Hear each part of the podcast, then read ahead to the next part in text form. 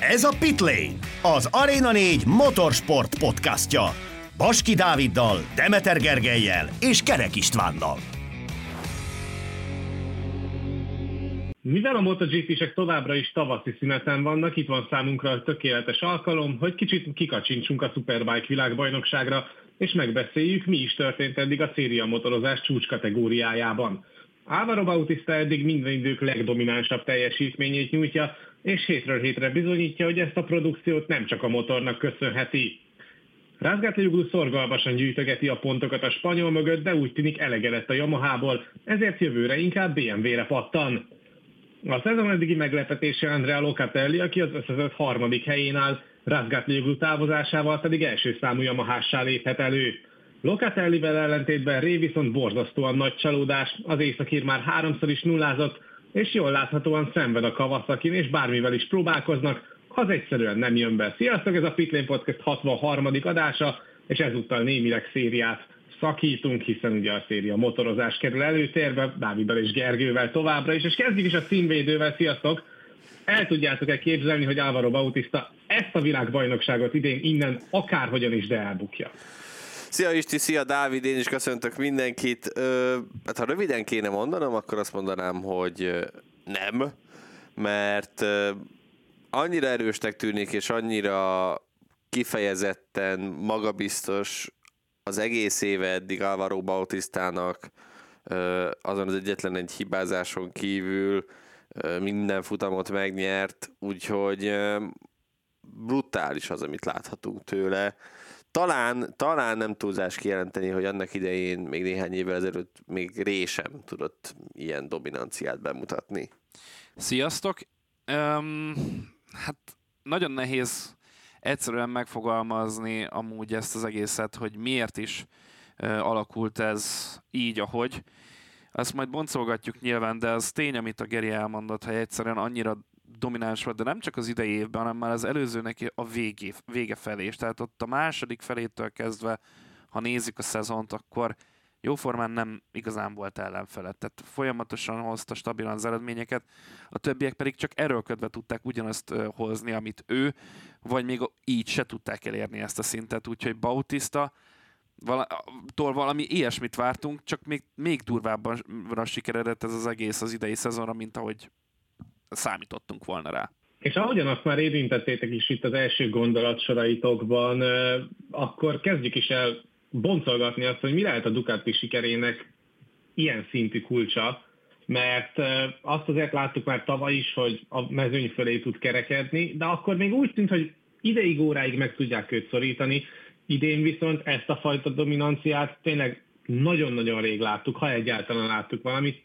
től, mi a kulcsa ennek az egésznek? Mert ugye sokan próbálták ezt az egészet megfogni, hogy persze Bautisztának azért a rutinja, illetve a könnyű súlya azért nagyban elősegíti az ő fejlődését, illetve az ő sikerességét, meg persze az, hogy a rajtrácson a legjobb motorral versenyez. De azért így is, hogyha összehasonlítjuk a többi Ducatissal az ő teljesítményét, akkor is sokkal nagyobb a különbség közte és a többi Ducatis között, mint amit mondjuk arra lehetne ráfogni, hogy valamivel könnyebb versenyző, mint mondjuk Rinaldi.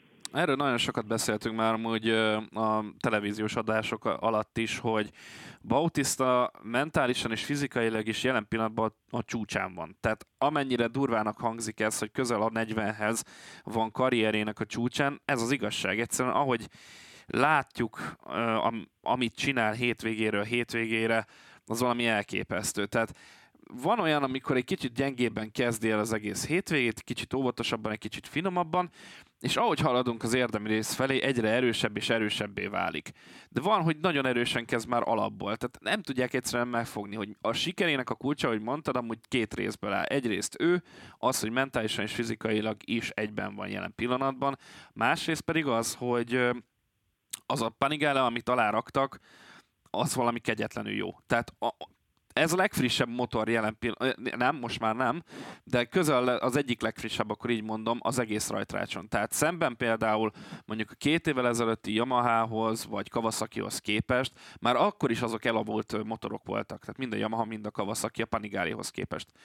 De e, most viszont a, a két év után nem olyan nagy a különbség a az akkori és a mostani Ducati között.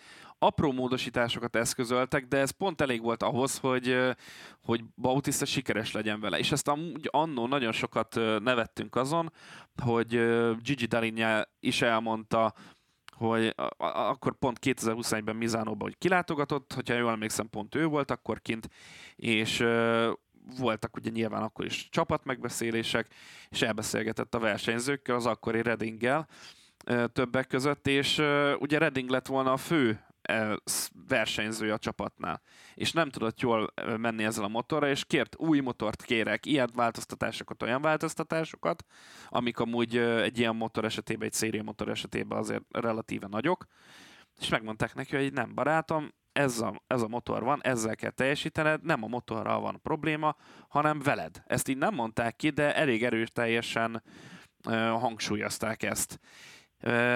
És végül is igazuk lett, mert 2022-ben fölpattant Bautista, és azóta, azt nem mondom, hogy azóta verhetetlen, mert az évelején azért voltak azért picit gyengélkedések, de már úgy kezdte Aragóniában 22-ben is a szezont, hogy azt, azt nem gondoltuk volna, hogy ez összejön, és mégis sikerült neki.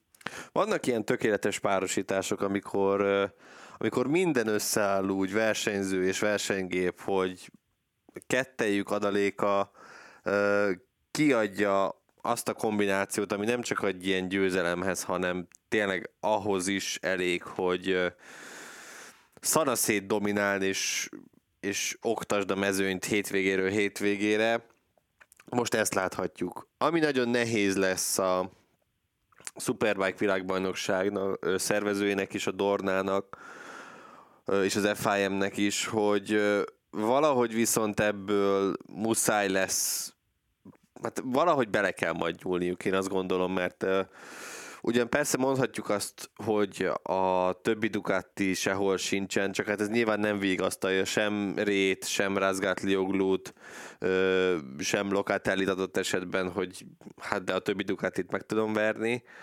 Mm, úgyhogy nagyon érdekes ezt látni, hogy hogyan próbálják majd lassítani. Mindig erre, erre sok mm, ilyen szabálymódosítást, illetve külső behatást láttunk már, ugye, amikor kénytelenek belenyúlni a szervezők ö, valamilyen szinten már a, a versenyzésbe ilyen szempontból, hogy valahogy megpróbálják egy picit ezt az unalomfaktort kijölni belőle, mert azt láthatjuk, hogy azért az sose jó, amikor így Bautista az elején elmegy, és akkor onnantól kezdve csak a második helyért van csata, úgyhogy kíváncsi leszek, hogy ebbe ebben mikor próbálnak majd belenyúlni, vagy, vagy hogy mi a tervük.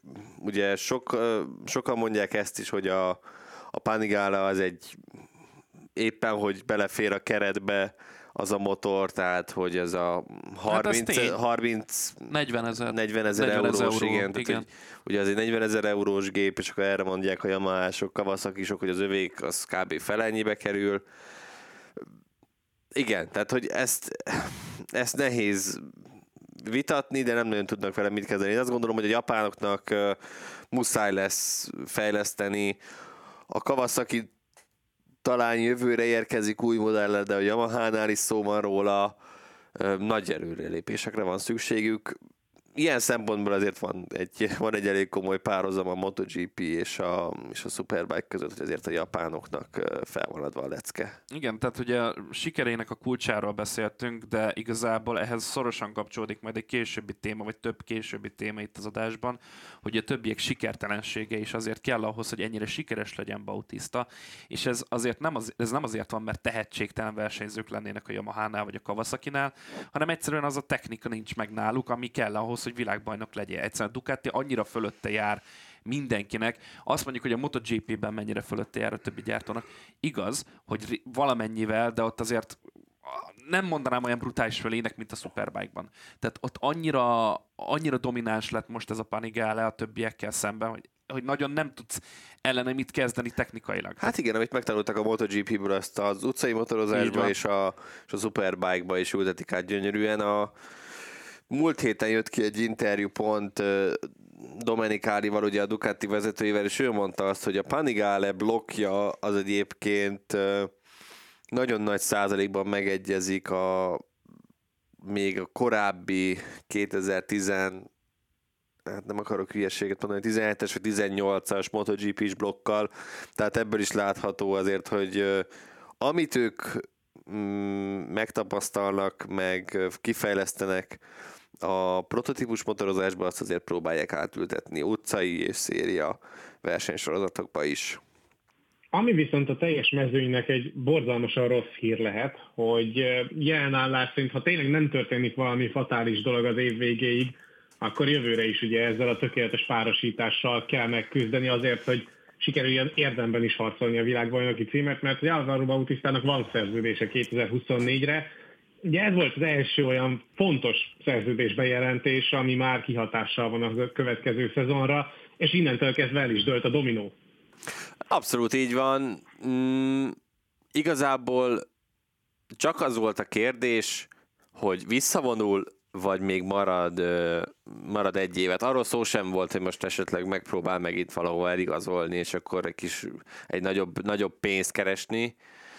Szerintem az, hogy már meg se húzná, ez a két hondás év azért megtanította, hogy többet ér egy jó motor, mint a, mint a pénzt. Bár mondjuk ott nyilván megszedte magát, aztán most már aláírt, hát mondjuk sokkal kevesebbet bónuszokkal, mindenekkel azért szerintem nem keres, de nagyon-nagyon érdekes lesz mondjuk látni, erről majd beszélünk egy picit később, hogyha a nyakára hoznak olyan versenyzőt, aki top versenyzőnek számítana, hogy akkor hogyan fogja ezt viselni Bautista. Pont ugye tegnap tegnap előtt jött ki vele egy interjú ezzel kapcsolatban, hogy ő arra számít, hogy nem, nem top versenyzőt igazol majd mellé a Ducati, hanem hát mondjuk, hogy ez Rinaldinak ez hogy esik, azt nem tudom, hanem hogy egy ilyen Rinaldihoz hasonló karaktert, hogy mondjuk megtartják, megtartják Rinaldit. Érdekes lesz látni, az biztos. Bár mondjuk szerintem neki most már csak az a célja, hogy mm, megnyerje ezt a világbajnoki címet, aztán a jövő évit is, és a jövő évben pedig, de akár már az idei évben is összejöhet neki a rekord, hogy minden idők második legsikeresebb Superbike versenyzője lehet, ugye Jonathan Ray mögött, egyre több rekordban éri utol, úgyhogy, úgyhogy szépen-szépen alakulnak ezek itt a dolgok Bautista számára. Igen, kicsit későn ért erre meg, vagy jutott el ide Álvaro Bautista, mert Hát meg a két hondás év az nem segített neki. Az nem segített neki, de érthető volt a döntése valamilyen szempontból. Tehát, hogyha azt viszont nem csinálja meg, amúgy nem tudjuk pontosan, hogy mi volt ott, hogy a, hogy a bolonyaiak is keverték ott a, a kakit, vagy sem, mert ugye azért az én el azt, tudjuk képzelni. Én úgy emlékszem meg, az rémlik, hogy a Honda jött egy olyan ajánlattal, amire nem tudott nemet mondani. Az, az rendben Meg van. ugye az... pont akkor kezdődtek ezek a hibázások is. Igen, igen, igen. Amikor váratlanul elkezdett nullázgatni folyamatosan.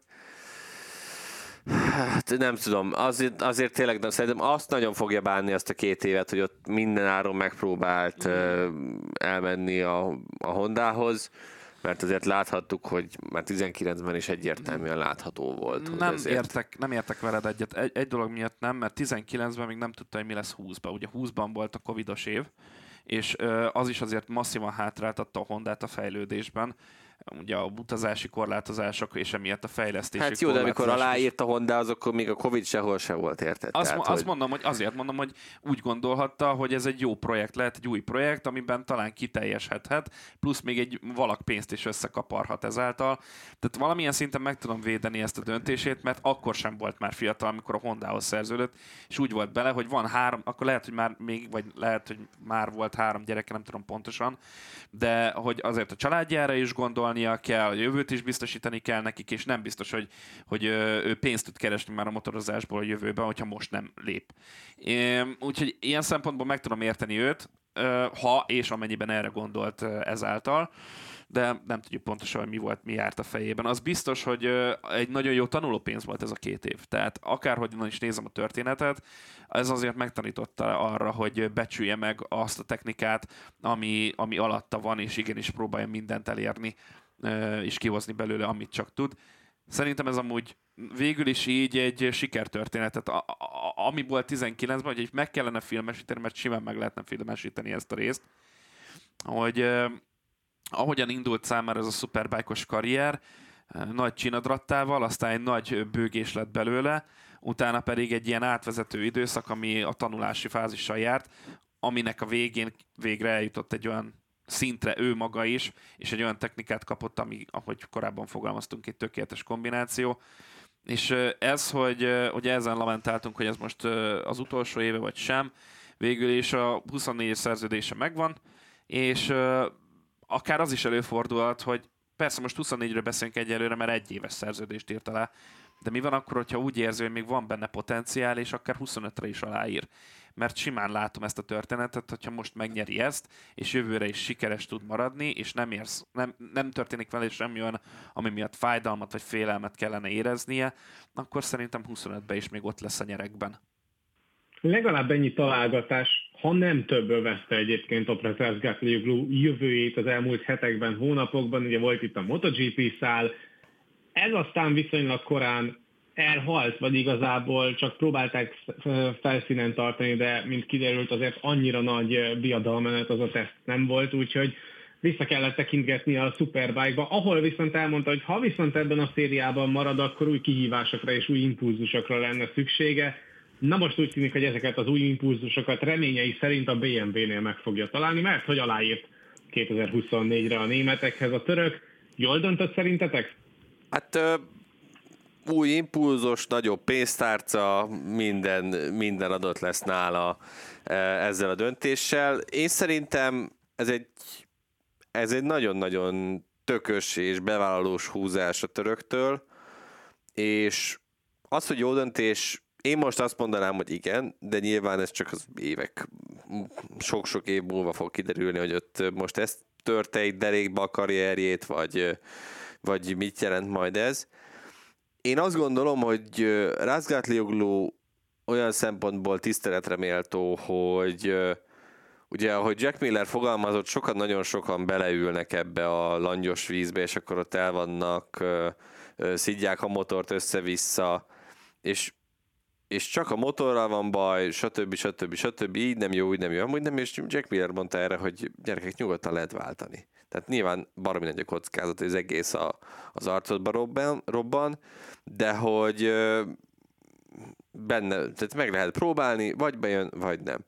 És Razgat Lioglu szerintem ezt tökéletesen bizonyítja ezzel a döntéssel, mm, hogy egyszerűen muszáj volt valamit megpróbálnia, mert, mert látszik, hogy ez a Yamaha tényleg egy helyben toporog évek óta. A, a 21-es bajnoki cím is szerintem nagyban többnek, tehát jó, sokkal jobban volt köszönhető Razgatlioglunak, mint, mint a Yamahának. Úgyhogy igen, ez egy barom jó döntés, és ismét csak mutatja a tendenciákat, hogy a versenyzők már inkább választanak egy feltörekvő európai gyártót, aki azért ne felejtsük el, hogy azért ezt a BMW-t évről évre hát elég komolyan ö, újítják. Tehát, hogy elég csak megnézni azt, hogy mondjuk tavaly, meg tavaly előtt hogy nézett ki ez a motor, most hogy néz ki idén. Tehát, hogy itt a BMW és a babirokon próbálkoznak mindenfélével. Az, hogy mennyire lesz ez egy jó kombináció, az, az pedig az pedig még a jövő kérdése. Igen, az idő fogja eldönteni, hogy ez mennyire fog működni ez, ez a duó, de az biztos, hogy tényleg egy nagyon merész vállalás egyrészt. Ez lehet akár egy laikus szemében olyan, mint az Álvaro Bautista által vázolt szituáció, hogy tényleg elmegy pénzt keresni.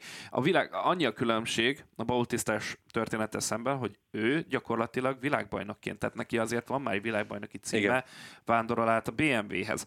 Tehát ez már alapból a renoméját növeli, plusz ö, a büdzséjét is, tehát hogy, hogy elég sokat kell fizetni a BMW-nek, viszont nekik van pénzük, az tény. A Yamaha-nál én több, több probléma is van. Egyrészt valószínűleg nincs annyi pénz, hogy ekkora összeget ki tudjanak fizetni neki. A világbajnoki címért járó összeget ki kell fizetni, de szerintem még ennél is többet fizet most neki a BMW. Egyrészt. Másrészt pedig, amit Geri mondott, ez teljesen így van, hogy egy szinte minden évben egy új konstrukciójú BMW-t látsz, egy új ezrest, és azon rögtünk Isti veled is, meg, meg Gerivel is, hogy ö, ugye van ez a legús kis BMW motor, amit néztünk, hogy milyen jól néz ki, meg tök jó, hogy ezt ki lehet így rakni, na ahhoz képest, hogyha a mostani jelenlegi BMW-t ö, szeretnéd mellé tenni, és kiraknád, akkor homlok egyenes látnád, hogy passzus, ez nem ugyanaz. Tehát, hogy, hogy a, a szárnyak... egy másik motor gyakorlatilag, gyakorlatilag, igen. gyakorlatilag egy másik motor, a szárnyak az elején, a, a, a, az, az oldalidom, ugye a váz alapból változhatott, mert ugye ellenben a Yamaha-val a BMW-nek van szuper koncessziója, amit ugye tavaly év vége óta ö, vezettek be, tehát az utolsó negyed évre. És az csak a Honda-nak, meg BMW-nek van, és bár azt mondják sokan, hogy ez nem sokat számít, hát hogyha egy rezgetléugló jön a motorra, aki olyan visszajelzéseket tud adni, olyan feedbackeket a csapatnak, amivel előre, előre lehet lépni, szemben egy olyan Van der Markor, aki szegény nem tehet róla, de hát nagyon sérülékeny, meg a másikkal szemben egy csapkodó, vergődő Redinggel szemben, aki ez nem jó, így az ülés pozíció rossz, így nem jó semmi nekem, a tank kicsi, a tank nagy, ez a baj, az a baj. Egy releváns visszajelzést tud adni Razgatlioglu, szerintem hozzájuk képest, aztán majd ezt is eldönti az idő. És egyébként ebben tök igazad van, és tényleg a kár teljesen rá tudják faragni így ezt van. a BMW-t, hogyha így úgy van. van. Így van, és akkor mire, mire van Razgatlioglunak szükség? Egyetlen egy dologra, és ezt a Yamaha-nál is kérte, hogy minél rövidebbet tudjon fékezni, mert neki ez a védjegye. Ő e, e, a féktávokon tud leginkább kiteljesedni. Úgyhogy nagyon kíváncsian várom, és na most, most fogok nagyon belefutni az erdőbe, abba a bizonyos erdőbe. A, ugye sor, soros a, a BMW-nek a blokkja, jól igen. emlékszem. Tehát még ilyen szempontból is jó döntés, hogy nem egy másfajta blokkot kell megismernie, hanem a sor négyes blokk azért az, nem, az lényegében ugyanolyan lesz, mint amit a Yamaha-nál is tapasztalt, tehát mozgás, súlyelosztás, ge, geometriailag is, balansz szempontjából is kb. ugyanolyan lehet majd, mint a Yamaha. Úgyhogy nem, nem annyira féltem emiatt a váltást. Hogyha egy Ducatira lenne, vagy egy Hondára, akkor az már neccesebb lenne, de ilyen szempontból is. Úgyhogy nagyon, nagyon sikeres lehet ez a történet akár, de az is lehet, hogy ami Bautisztával volt, hogy egyszerűen megrekednek valahol, nem tud a BMW olyan szintre fejlődni, nem találják az utat, nem, nem egyszerűen a mérnöki gárda nem elég jó ahhoz, hogy megtalálják azt az arany középutat a versenyző és a motor között, hogy világbajnoki címre törő szintre jussanak. Ami fontos, az tény, hogy az téli szezont azt nagyon meg kell nyomni, rengeteget kell tesztelni Rázgátliogluval, mert ugyanúgy, mint Redding, Razgatlioglu sem egy alacsony termetű srác, tehát rá kell szabni a motort, ez a lényeg. És hogyha ez sikerül, akkor, akkor talán, talán, talán egy olyan nagy, nagy szintre ugorhatnak, hogy, hogy fölérhetnek a hát azt nem mondom, hogy a Ducati szintjére, de, de a Kawasaki val szerintem, meg a Yamaha-val fognak tudni hát harcolni. Jövő, jövőre nyilván az lenne a cél, hogy legalább ö, dobogókért menjenek, hát a, és akkor utána ez lehet majd ö, lehet majd az adott esetben, az adott esetben a győzelmekért is küzdeni a rákövetkező évben.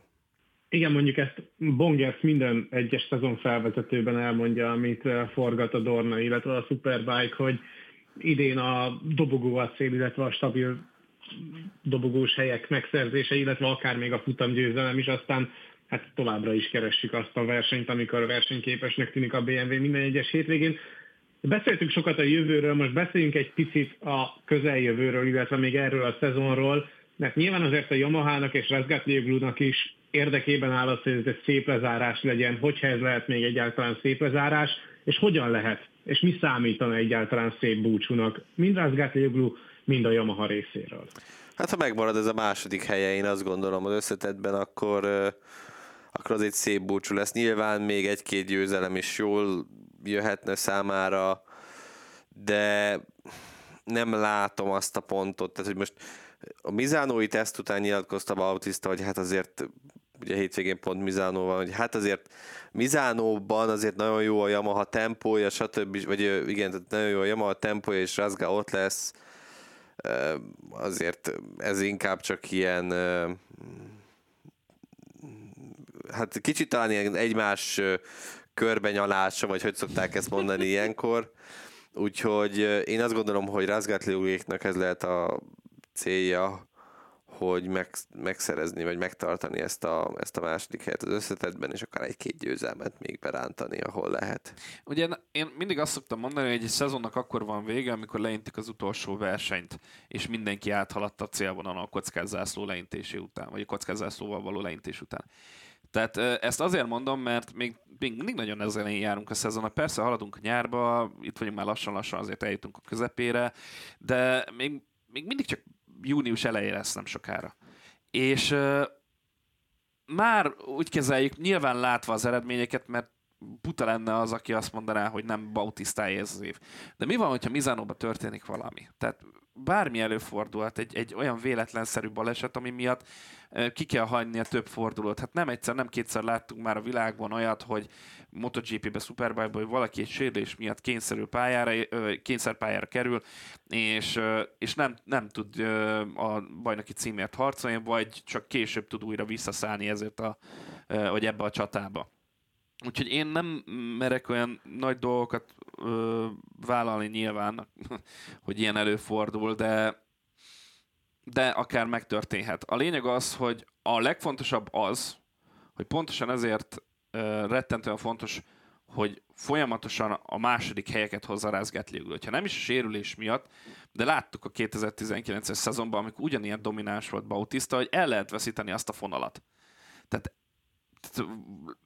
jöhet egy valamilyen oknál fogva egy váltás a fejében, vagy bármi történhet, egy picit megrodja meg mentálisan, vagy fizikailag, akkor az fog nyerni ebből, vagy profitálni legtöbbet, aki a második folyamatosan. Tehát, hogyha ezt tudja hozni Razgatlioglu, akkor akár még a világbajnoki címre is törhet. Ha nem sikerül neki meg, és hát, hogy ha nem történik semmi ilyesmi, és amúgy én azt remélem, hogy nem is fog ilyesmi történni, akkor ilyen szinten beleszólni a világbajnokságban szerintem nem kéne. A lényeg az, hogy az az a fontos az ő szempontjából, hogy végig másikok legyenek, és hogyha így marad minden, hogy Bautista ettől függetlenül előttük marad, akkor is tisztességet tudnak elbúcsúzni egymástól.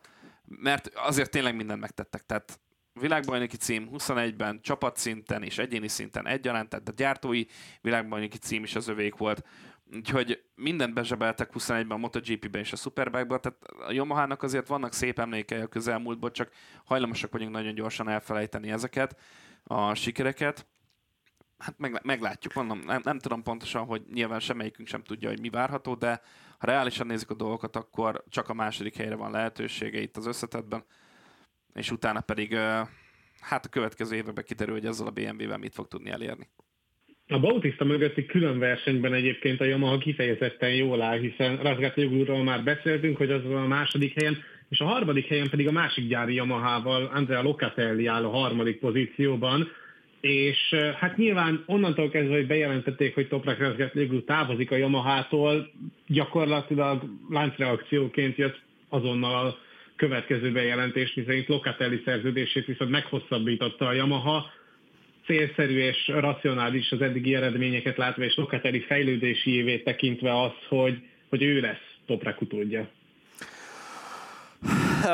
Locatellivel én egy picit mindig bajban vagyok olyan szempontból, hogy azért tavaly nagyon-nagyon csúnyán el tudott tűnni, nagyon-nagyon sok verseny hétvégén, és nem vagyok benne biztos, hogy ez idén ugyanúgy nem nem fog előfordulni. Attól függetlenül, hogy most erősen kezdte az idei évet, én még mindig úgy érzem, hogy Locatelli ezt az évet pont azért kezdte ilyen jól, mert hogy tudta ő is, hogy le fog járni a szerződése, és nyilván azt még nem sejtette, hogy Razgatlioglu megy el mellette. Ő inkább azzal számolt szerintem, hogyha meg akarja tartani uh, Razgatlioglu mellett a, a helyét, akkor nincs más választása, mint uh, mint egyértelműen arra játszani, hogy mindent bele kell adnia, mert mert másképpen tényleg egyszerűen el fogja bukni a helyét, és nem lesz gyári versenyző már jövőre. Úgyhogy most nagyon kíváncsi leszek, hogy milyen hatással lesz rá az, hogy most megnyugodhat, mert hogy biztos a jövője. Én nekem van egy ilyen félelmem vele kapcsolatban, hogy most nagyon vissza fog esni a teljesítménye pont ennek köszönhetően, mert nem fogja tudni már magát mivel felspannolni. És, és így azért nehéz dolga lesz, én azt gondolom. Az pedig, hogy a stafétát mennyire fogja tudni átvenni Rázgátliuglutól, az pedig óriási kérdés számomra. Én azért kicsit pozitívan állok Lokatellihez, tehát az idei évben, ha nem is tud nyilván Rázgátliugluval menni, mert vele tényleg nagyon nehéz, tehát ő egy, egy egyel magasabb polcon van. Azért a tavalyi évhez képest igaz, hogy a tavaly nagyon gyenge volt önmagához képest is, viszont tavaly előtt a második fél évben nagyon szépen tudott uh, motorozni, szép eredményeket hozott, rendszeresen azt a, top 5 azon belül is inkább a negyedik helyeket. Most viszont az év elejétől fogva képes erre, és még mellette plusz a dobogókat is egyszer-kétszer el tudja csípni. Akár önerőből is, tehát nem feltétlenül azért, mert az a, a top három közül, tehát Ray Razgatlioglu és Bautista tengelye ből valaki kiesik. Úgyhogy én, én szerintem Locatelliben folyamatosan megvan a fejlődés, csak ugye évek kellenek ahhoz, hogy beérjen ez a produktum, ahogy Razgatlioglu esetében is kellettek az évek, hogy eljusson erre a szintre. Igen, uh, csak nem tudom, hogy neki, tehát, hogy nem tudom, hogy neki lesz-e lesz-e feljebb innen. Hogy van-e hogy... nagyobb, hogy, van hogy a plafonját elérte már? Igen. Hát igen, az, az, azért lesz csalóka most szerintem, mert ezzel a Yamaha-val most kellene megmutatni, hogy mire képes igazán, mert ugye ott van még Rezgetliugl, ebbe igazad van. De van még sok futam ebből az évből vissza, hogyha nem sikerül, akkor jövőre, hogy ki lesz az zászlós, hát neki kellene lennie. Tehát teljesen mindegy, hogy kiérkezik, azért azt ne felejtsük el, hogy, nagyon sok Yamahás versenyző van, jó versenyző van a csapaton belül. Tehát mint a gyárton belül, akivel lehet számolni, mint csapattárs. Ha őket megveri, az már jó, akkor ő lesz onnantól kezdve az ászlós. És ki tudja, milyen fejlesztéseket fog végül hozni a jövőben a Yamaha, milyen, milyen radikális lépéseket fog tenni. Ez, ez a következő három kötője öt évben fog leginkább látszódni. És Lokatelli még, még fiatal, tehát nyilván nem a legfiatalabb versenyző a mezőnyben, de még mindig a fiatalabb generációhoz tartozik, akiből még bármi lehet szerintem. Tehát egy kis időt én hagyok neki, már nagyon előre gondolkodok, mert már 24-ben járok ilyen szempontból, de, de én hagynék neki egy kicsi időt, és... De akkor maradj is 24-nél, ha már úgyis átmentél 24 Már úgyis elkezdte az égerter vonat, már úgyis elkezdte az égerter vonatot, úgyhogy...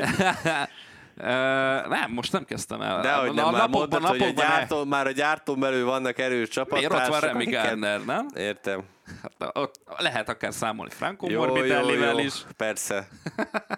hát végül is amúgy nem mondok hülyeséget azzal, hogy akár Franco Morbidelli is érkezhet a, a, a Superbike-ba. Tudom, hogy erről beszéltünk De úgyis égertet prognosztizáltad már be oda. Én, én őt mondtam, igen. Ez, ez, ez tény, hogy kitettem Twitterre, hogy mikor jött ez a bejelentés Razgatliugluról, meg Locatelliről, hogy akkor ki lehet a csapattársa, és én rátippelek.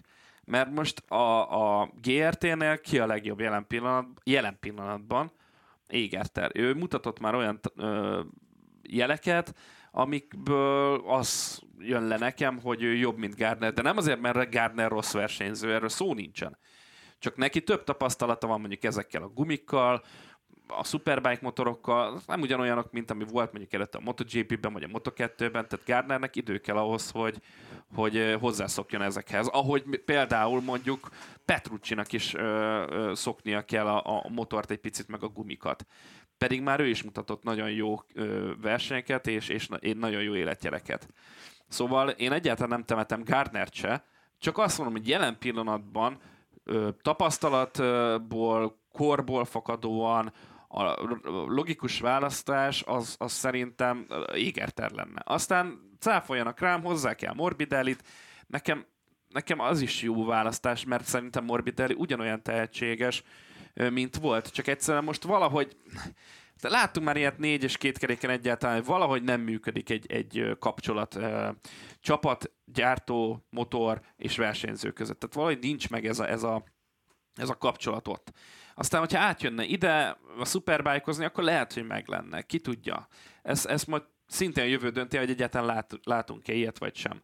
Szóval, igen, 24. Locatelli az biztos, de ahogy én kire tippelek, az, az maga, az valóban égerter.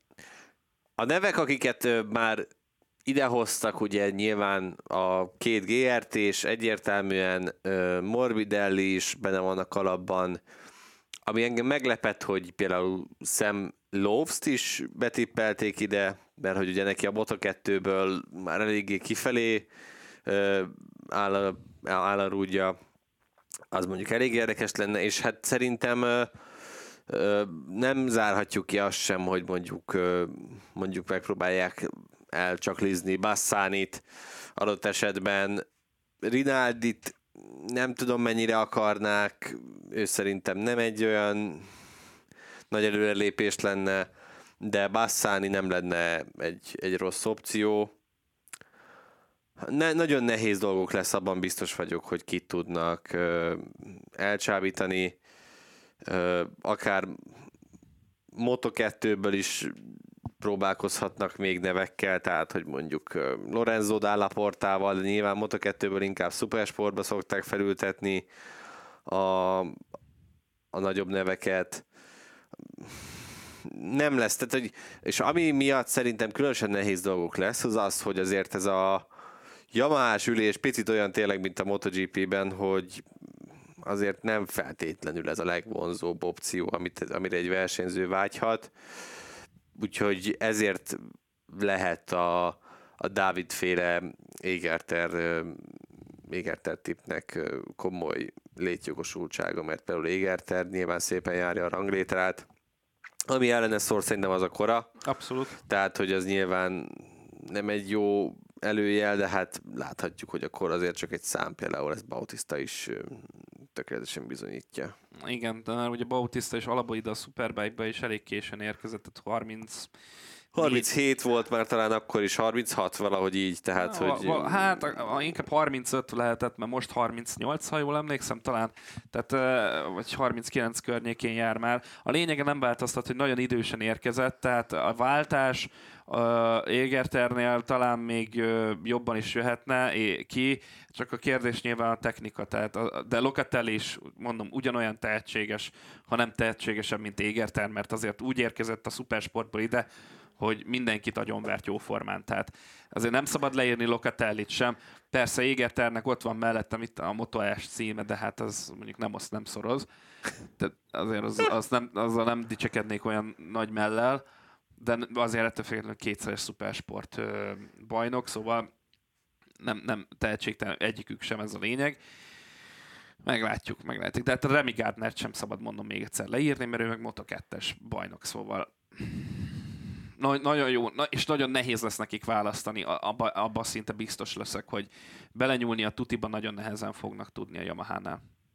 Akiknek viszont fejvakarásra bőven van oka az a Kawasaki, mert hát az átlósajójuk Jonathan Ray szezonja sem feltétlenül úgy alakul, ahogyan azt tervezték, és megint ott tartunk, mint tavaly a szezon közepétől kezdve, amikor elkezdett kiülni a tanácstalanság a Kawasaki sok arcára, és a versenyzői arcára egyaránt, mert, mert ott vannak, ahol a part szakad, és Ray folyamatosan túlmotorozza a, az ideális tartományt, és ennek ellenére is mindig ott lyukadunk hogy ez maximum egy második helyre elegendő, már hogyha két keréken be tudja fejezni a versenyt.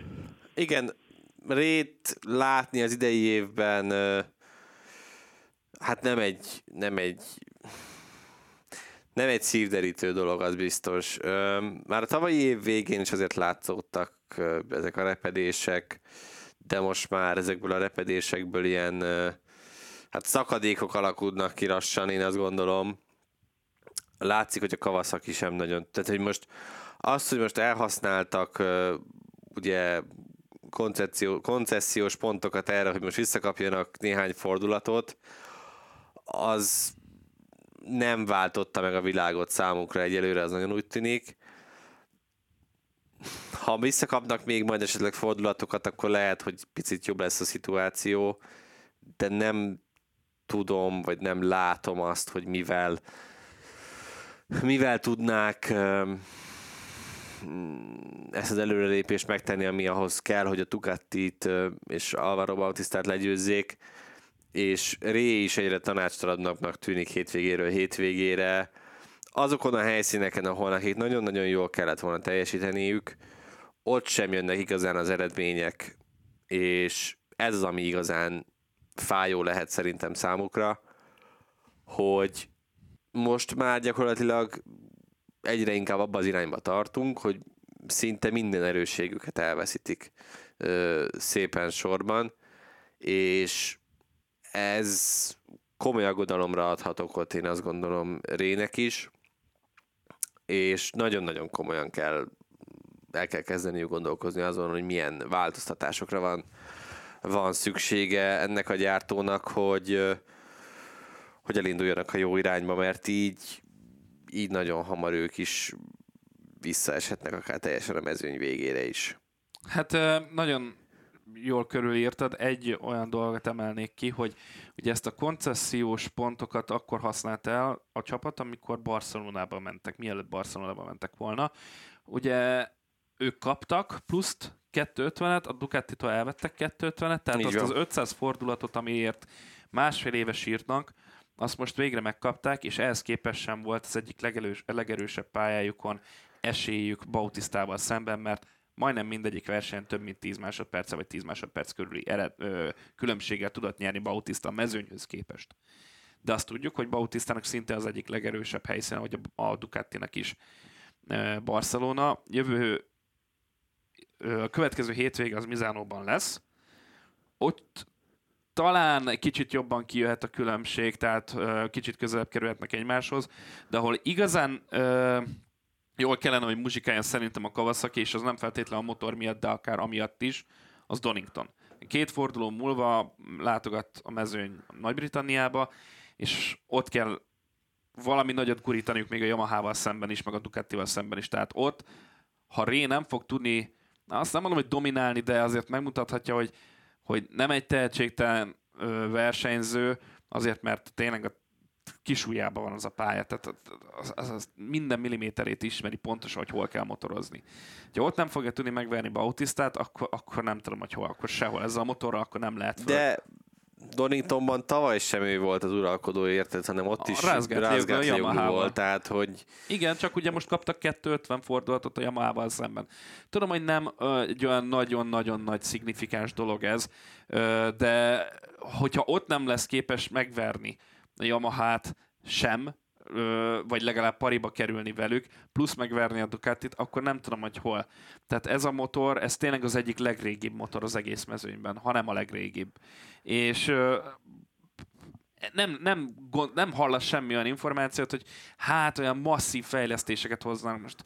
Váltanak felfüggesztés gyártó között, hogy hát ha ez jó, hát ha sova, hát az ő, tehát össze-vissza variálgatnak, de olyan masszív fejlődést nem tudnak hozni egyik szezonra a másikra, és az a motor, amivel versenyeznek, ahogy az adás elején beszéltünk, ez egy töredék árban van a Ducatihoz képest. És ugye Ré mondta ezt el, hogy ezzel hogy a fenébe versenyezzek ezzel a motorral szemben.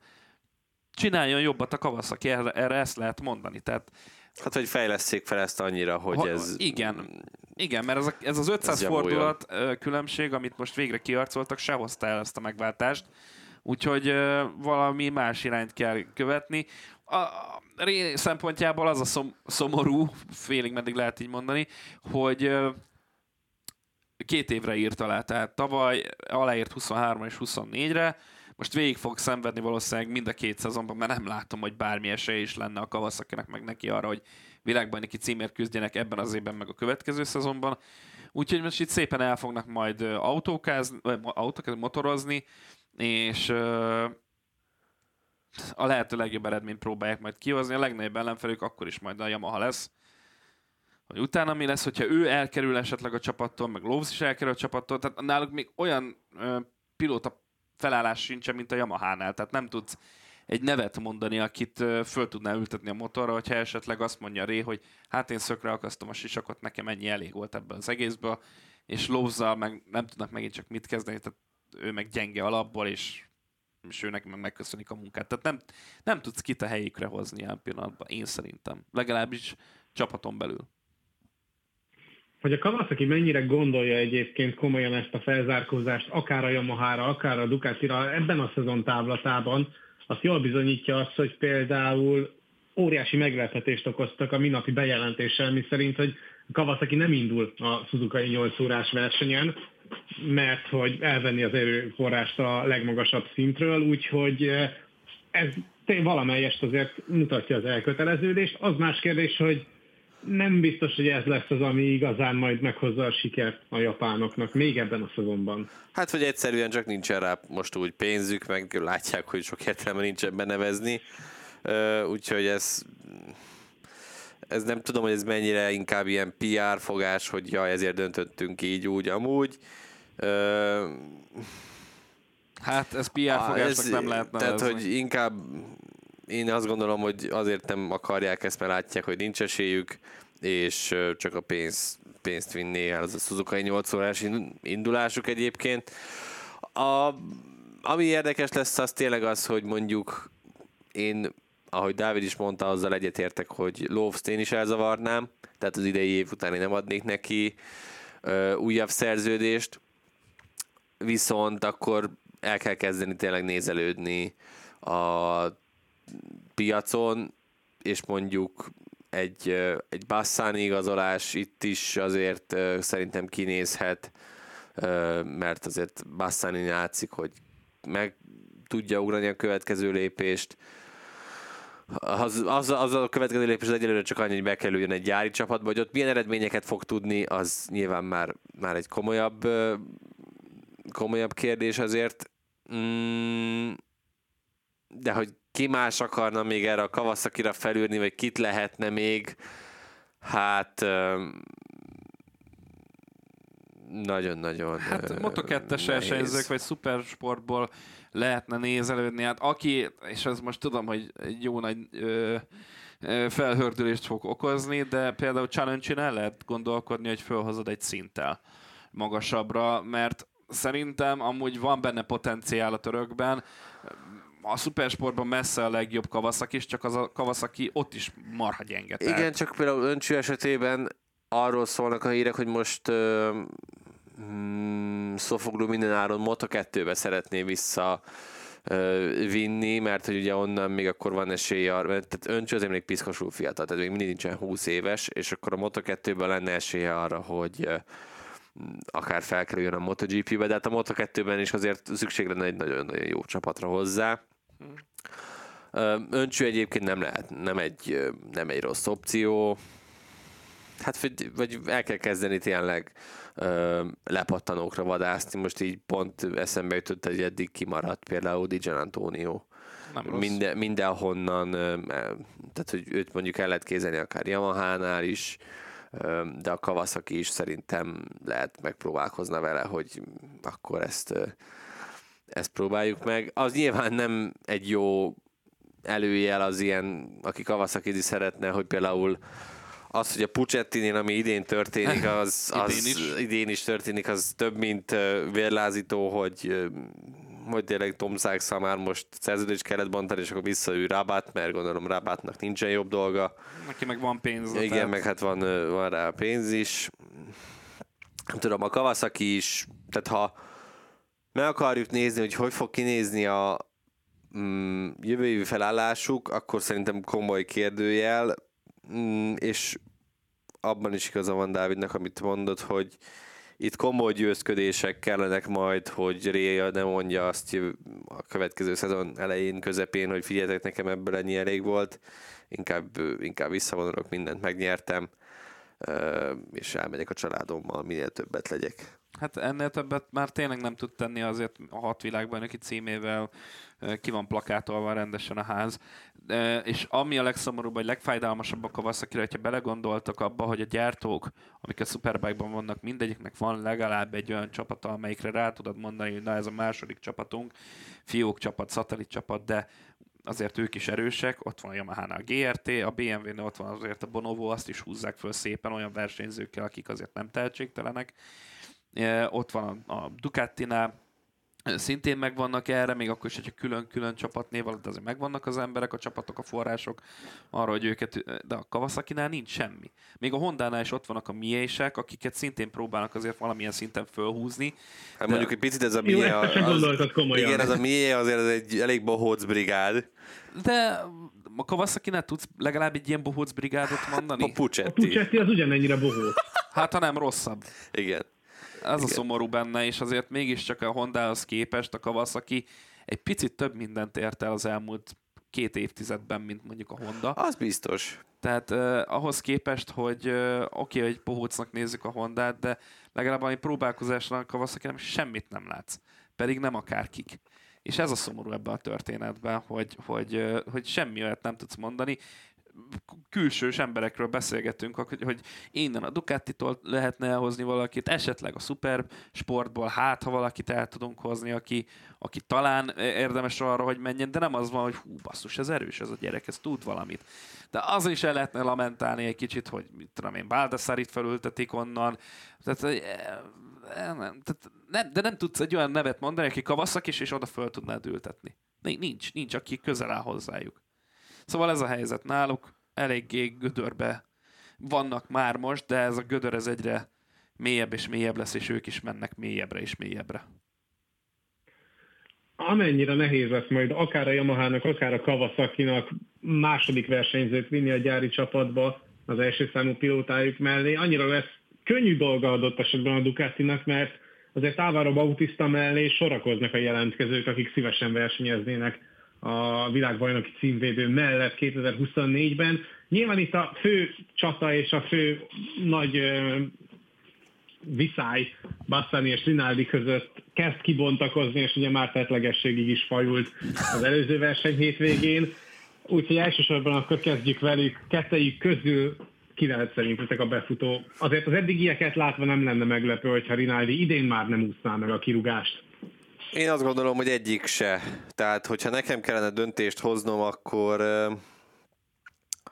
akkor igazából egyiknek sem szavaznék bizalma, bizalmat, több okból sem. Rinaldi szerintem bizonyította, hogy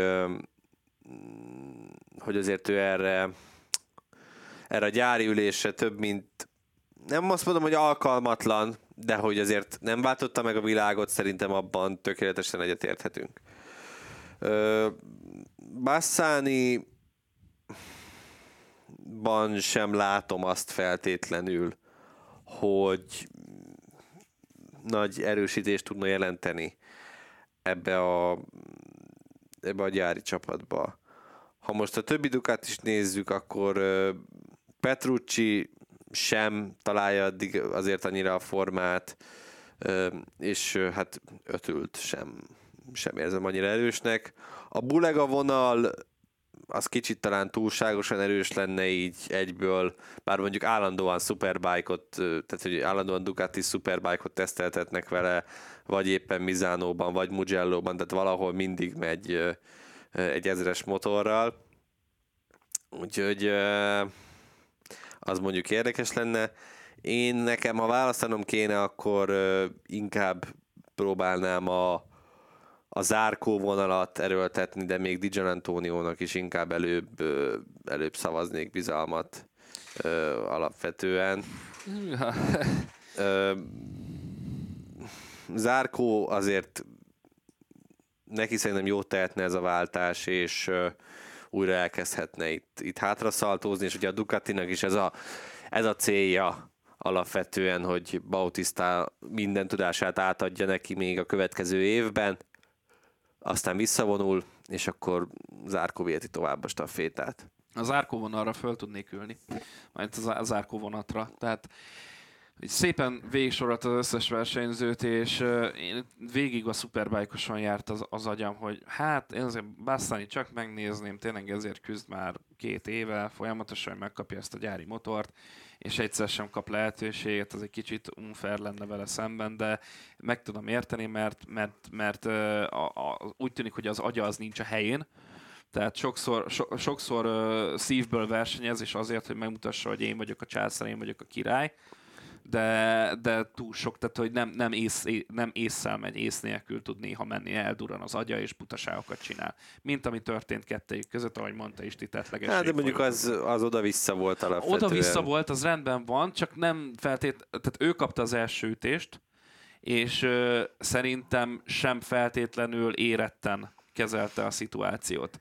Tehát én értem, csak nekem például gyerekkoromban is azt tanították meg, hogy te legyél mindig az okosabb. Tehát, hogyha valaki... Aztán ezt felnőtt korodra elfelejtetted. Muszáj volt, ugye? nem. Ö, nem, ez, ez, ez mai napig megvan, de én megértem, hogy mondjuk sportolónál, versenyzőnél azért teljesen más az ego szint. Hát meg nem gondolod, nem, tehát, hogy vannak azok a pillanatok nyilván, amikor nem gondolod át, hogy most Igen, ez a baj. mi is fog történni. Ez a baj, inkább akkor csinálta volna azt, hogy futam után elbeszélgetnek, vagy, vagy nem tudom, hangot ad a médiában, de, de szerintem ezzel csak azt mutatta, amit te is mondtál, hogy egyikük sem alkalmas arra, hogy gyári versenyző, szóval ezzel bizonyította be. Addig-addig védtem, de az, az a momentum volt az, ahol átbillent a mérleg nyelven nálam. Ott Petrucci vonal, amivel nagyon sokat nem tudunk mit kezdeni, tehát ő is sem a fiatal generáció tagja, tapasztalt, rendben van. De, és amit végig soroltál, azzal nem is lehet abba belekötni. Tehát tényleg így van, ahogy mondtad, és ez az árkó vonal az azért nagyon erős lett. Tehát végre talán talán egyszer látnánk, hogy moto, ami a MotoGP-ben nem jön, az nem tudjuk, hogy elő fog-e jönni, vagy fog-e sikerülni ebben az évben, de hogyha ha, ha nagy összeget nem tennénk rá, mert nagyon kicsi lenne az ott arra, hogy nem fog nyerni idén futamot Zárkó, idén se, a Superbike-ben ez összejöhet. Na, abszolút, abszolút. Tehát, hogy láthattuk a, hogy Bautista is, amikor megérkezett, így van. Neki még talán olyan jó eredményei is voltak abban az évben a, a GP-s Ducatin. Szerintem soha nem voltak olyan és, és, és azért gyorsan jött ez a váltás. Szerintem Fizimiskára is azért elég hasonlóak sok szempontból, úgyhogy én ezt a vonalat tolnám. Aztán, hogyha tényleg a mondjuk a Yamaha megpróbálkozik zárkó megszerzésével, akkor nyilván nem fogja otthagyni a MotoGP-t, akkor, akkor meg megpróbálhatod vagy Basszánit, vagy Bulegát, vagy, vagy bármelyik másik versenyzőt alapvetően, mert akkor, Igen, akkor és ami, nincsen veszíteni valód. És amiről beszéltünk, hogy nem feltétlenül 2024-ben kell gondolkodni, tehát lehet, hogy 2020 ötben sem fog távozni Bautista a Ducatitól. Tehát lehet, hogy még ott fog ülni a motoron, mert úgy érzi, hogy még van bennem, a család elfogadta ezt, menjünk még egy szezont. Tehát simán előfordult ez a forgatókönyv is, hogy még 25-ben is marad, és akkor csak egy versenyző kell. Arra meg tényleg, ahogy most már tényleg szerintem Bautista is lenézi egy picit uh, Rinaldit, arra meg tényleg jó Rinaldi, vagy, vagy, vagy Bassani, teljesen mindegy, nem kell feltétlenül egy erős versenyző mellé 24-re, 25-re meg el lehet gondolkodni máson, akár tényleg ez a, lehet folytatni ezt a bulega vonalat akár. Igen. Tehát sok, sok, for, sok forgatókönyv van, amit uh, tudnánk vázolni a Ducati jövőjével kapcsolatban.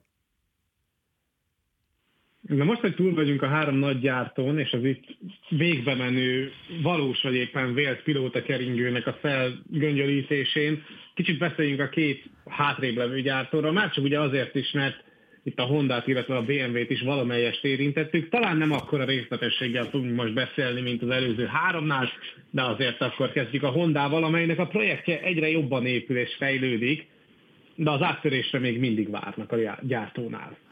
Abszolút így van. Én úgy érzem, hogy hogy most ez a VRH mm, Lekóra Duo eljuttatta egy olyan szintre ezt a projektet, ami már egy ilyen stabil, jó alap lehet bárki számára. Viszont hiába mondja azt Leon Camillé, hogy ő alapvetően nem szeretne más versenyző után nézni, én azt gondolom, hogy hogy VR7 el kell engedni. Tehát, hogy Lekóna azért fiatalabb is, benne bőven van még, még potenciál, én őt mindenképpen megtartanám, és Vierhe helyett pedig hát ez az, hogy kit hozol. Tehát ez a nem egyszerű történet, hogy most próbálsz egy olyan tapasztalt versenyzőt hozni Vierhe helyett, aki meg tudja mondani azt, hogy ennek a motornak mik még a gyengeségei, és mivel, tehát egy te, kvázi egy ilyen tesztversenyző-szerűt, aki megpróbálja neked elmagyarázni, hogy mivel léphetne még előrébb ez a, ez a csomag, vagy megpróbálsz egy, egy teljesen hondás berkeken belül újoncot hozni, aki, aki felrázza itt a dolgokat, de a tehetsége megvan ahhoz, hogy ezt meg is tudja tenni, és akkor Lekóna pedig marad egy ilyen egy ilyen biztosabb, biztosabb alapnak. Tehát, hogy én ezt a két utat látom most alapvetően előttük. Nem tudom, hogy mondjuk a a szatellit csapattól ő gondolkoznak-e abban, hogy valakit felhozzanak, szerintem nem. Én azt látom, mint lehetséges forgatókönyv, hogy hát, kit tudnak leigazolni, mert azért láthatjuk, hogy a pénzben nem lesz hiány. Tehát az biztos, hogy pénzügyi problémáik nem lesznek. Ugye Razgatliogluról lecsúsztak, nem tudom, hogy kit lehetne ide is be lehet mondani, szerintem nyugodtan ezt a Bassani, Di Antonio vonalat alapvetően, mert azért mégiscsak mind a kettő V4-esről érkezne, tehát, hogy talán az átülés nem... Tehát nyilván Dijon Antonionak nagy váltás lenne, de hogy Bassaninak talán annyira nem. Más, más opciókat azért nehéz, nehéz itt felvázolni. Én arra inkább rámentem volna az ő helyükben, hogy minden áron megszerezzem Toprak Razgatlioglut. Hát De lehet, hogy már megpróbálták, mert lehet, hogy megpróbálták. Mondjuk, amit talán érintőlegesen mondta is, hogy Leon Camier, hogy elmondta, hogy két versenyző, ugye itt van, Lekónával és Vierhével, és akkor tehát, hogy nem rossz versenyzők egyáltalán. Én értem, hogy Vierhét ki lehetne esetleg tenni a csapatból, de, de azért ő, ő is mutatja, hogy nem ha lassabb is, akkor is csak nüansznival lassabb VR-he, mint Lekóna. Én véleményem szerint, meg meglátásom szerint. Tehát nagyon nehéz lenne őt le, vagy cserélni. És már csak azért is, mert oké, idehozom mondjuk egy, egy Ducatis versenyzőt, aki ismeri mondjuk a technikát, és meg tudja mondani, hogy fú, gyerekek, ezen azért változtatni lehetne, és akkor talán erőre lépnétek technikailag. Mert én mondjuk Ducatis versenyzőt hoznék alapból, és olyat, aki szuperbájkos. Tehát ez lehetne akár Rinaldi, ez lehetne Bassani, de hogy valakiről én, én, én, én valakire valakit én elhoznék, vagy elcsábítanék VR helyett, az szerintem inkább lenne Rinaldi. Hát, ha tud olyan dolgokat mondani a motorral kapcsolatban, és akkor elhozom egy két évre, és azért nem, nem egy olyan nagy vállalás. De az a baj, hogy hogy VRH meg ott van már második szezonját rúgja a, a csapatnál, és lehet, hogy van nála most egy törés egy olyan egy pozitív irányú törés, hogy ú, most, most éreztem rá a motor, amíg lehet, hogy ezen kellene egy kicsit finomítani, finom hangolni, és akkor tök jó lenne, és mind a ketten marha gyorsak lennénk. Tehát a, én nem feltétlenül cserélném Levi R7. Én, én az, azért adnék még neki egy esélyt, mert nagyon-nagyon-nagyon jó opció helyette nincsen. Ami volt, az már elúszott. Úgyhogy én azt mondom, hogy, hogy inkább tartsák meg ezt, mint hogy belegyúlnak megint valami hülyeségbe, aztán pedig kapkodnak az eredmények után, meg a fejlesztésen elmennek egy olyan irányba, ami, ami vakvágányra vezet. Egyetértünk, tehát, hogy akkor sem lesz szerintem tragédia, hogyha marad ez a duó.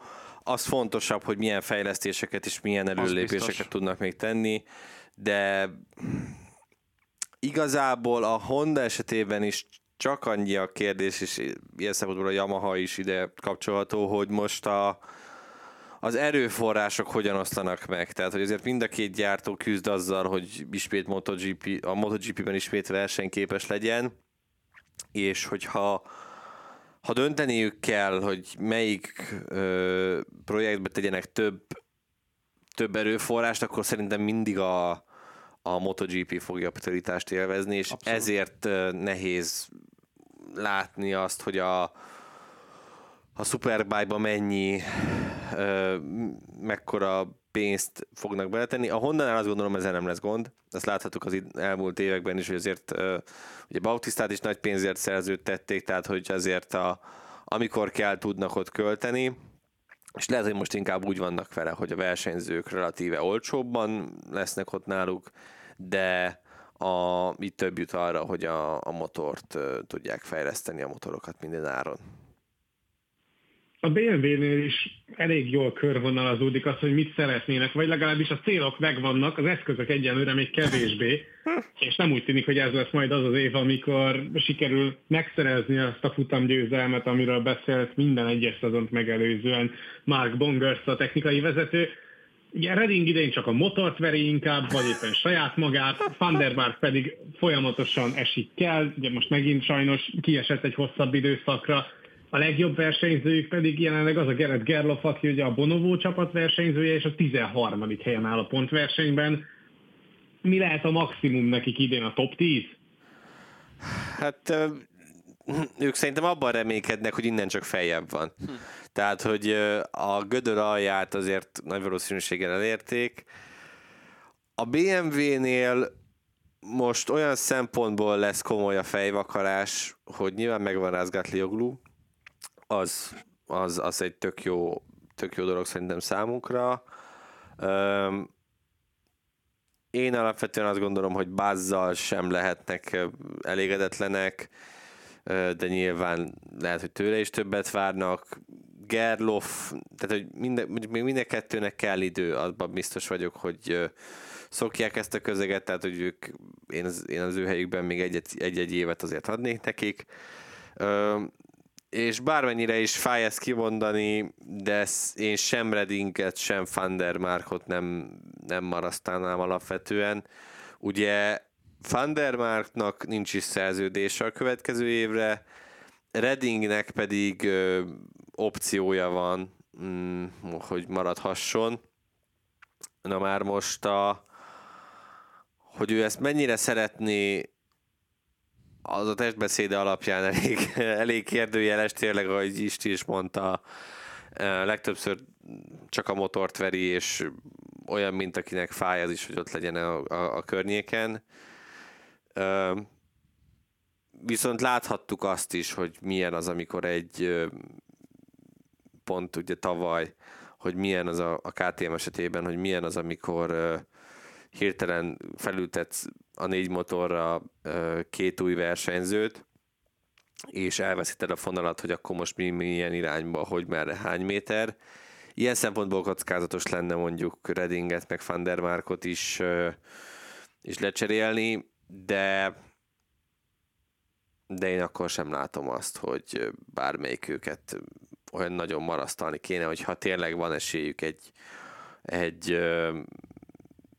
egy mondjuk akár egy Dijan Antonióra, de már én azt gondolom, hogy nekik egyébként Rinaldi sem lenne egy rossz opció. Tehát, hogy uh-huh. azért ehhez a motorhoz jól látszik, hogy hogy kell az, hogy a, a versenyző kihozza belőle az extrát, mert maga a csomag az még messze nem az a szint, ami, ami úgy alapvetően ütőképes lenne. Nem, viszont az a csapatnak és a gyártónak nagyon jó lenne, hogyha egy olyan versenyző érkezne, ami most már megvan Rezget Liuglu szemébe, akinek jó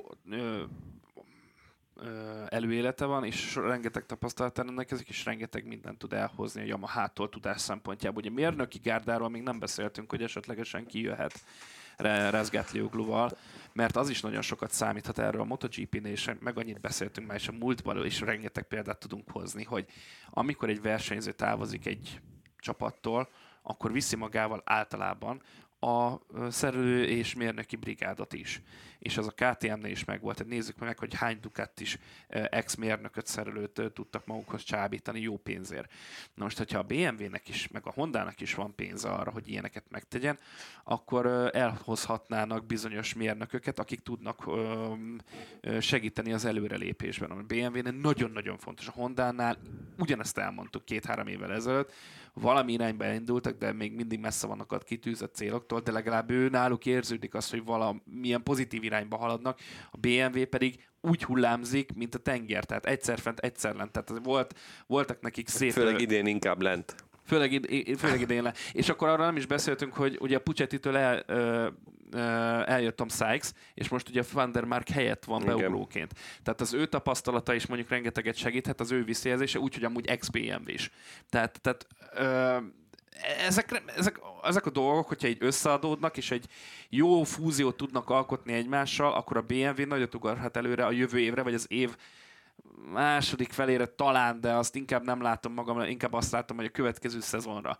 Én azt is el tudnám, hogy simán képzelni, hogy Tom Sykes uh, szót fogják, és fölültetik a gyári BMW-re, Toprek rezgetliuk mellé van egy veterán, tapasztalt versenyző, aki tesztversenyző funkciót tölt be, és van egy olyan versenyző, akire építesz az eredmények miatt. Én ezt is el tudom képzelni, és akkor ott van Báz, illetve Gá- de de na, szóval ez a lényeg. Hát én size nem látok már igazából nyugodtan mondhatom, hogy, hogy úgy semmit. Tehát, hogy benne már semmi nem maradt ilyen szempontból, én azt gondolom, hogy ő milyen hasznot tudna hajtani a BMW-nek, az számomra komoly kérdőjel, de lehet rám cáfol még az idei évben. Igen, ez fogja eldönteni, um, így van. El kell indítani tényleg ezt a projektet. Nagyon-nagyon, tehát a jövő év egyik leg,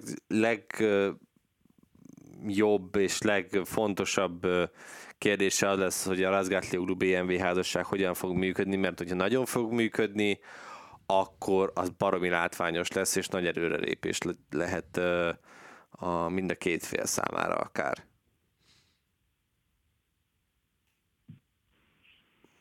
Hát szerintem elég alaposan kibeszéltük, hogy mi volt eddig ebben a szezonban, és mi lehet akár a szezon hátra levő részében, akár pedig az eddigi ismereteink alapján 2024-ben.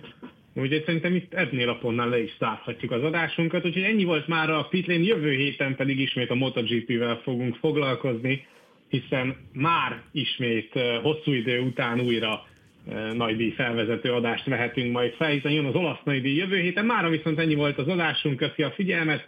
Infokért, MotoGP-s cikkekért kövessétek a Network 4 web, Twitter és Facebook oldalát, illetve iratkozzatok fel az Arena 4 csatornáira azokon a felületeken, amiken hallgattok minket, legyen az Spotify, SoundCloud, vagy éppen Apple Podcast, illetve hogyha értékelitek és hozzászóltak az adásokhoz, azt is megköszönjük, illetve kövessetek minket Twitteren, engem a Kerekistin, Dávidot az Ulvar Kreatoron, Gergőt pedig a Demeter Gergely. Három alatt találjátok meg, jövő héten jövünk ismét, tehát addig is sziasztok!